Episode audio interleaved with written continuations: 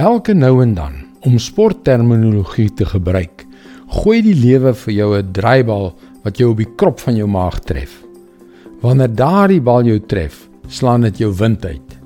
En terwyl jy op die grond lê en nie kan asemhaal nie, word jy paniekerig.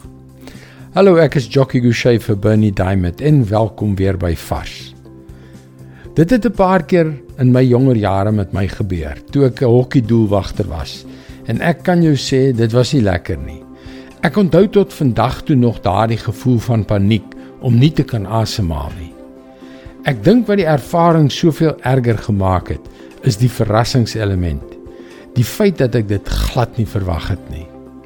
Nou ja, daar is dinge in die lewe wat gebeur wat ons paniekerig maak.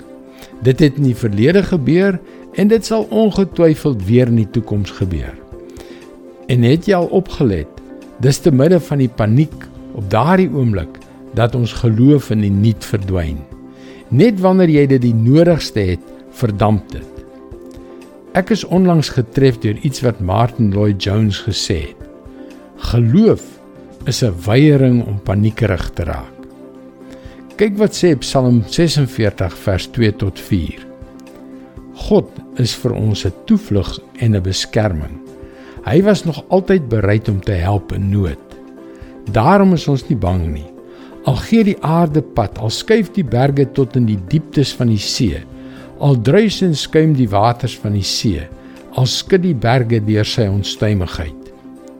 'n Aardbewing is 'n vreesaanjaende scenario. Die grond skud, die berge val in die see, die waters dreun en skuim. Maar kyk net hier, die psalmis weier onwrikbaar selfs koppig om paniekerig te raak. Hoekom?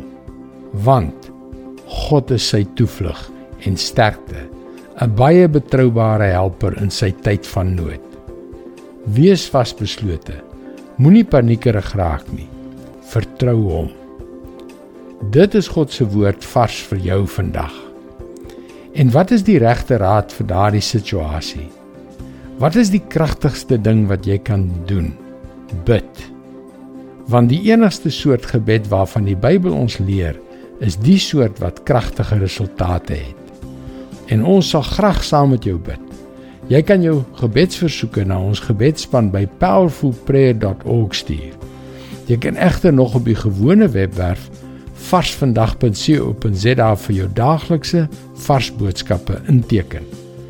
Mooi loop en luister weer môre na jou gunstelingstasie.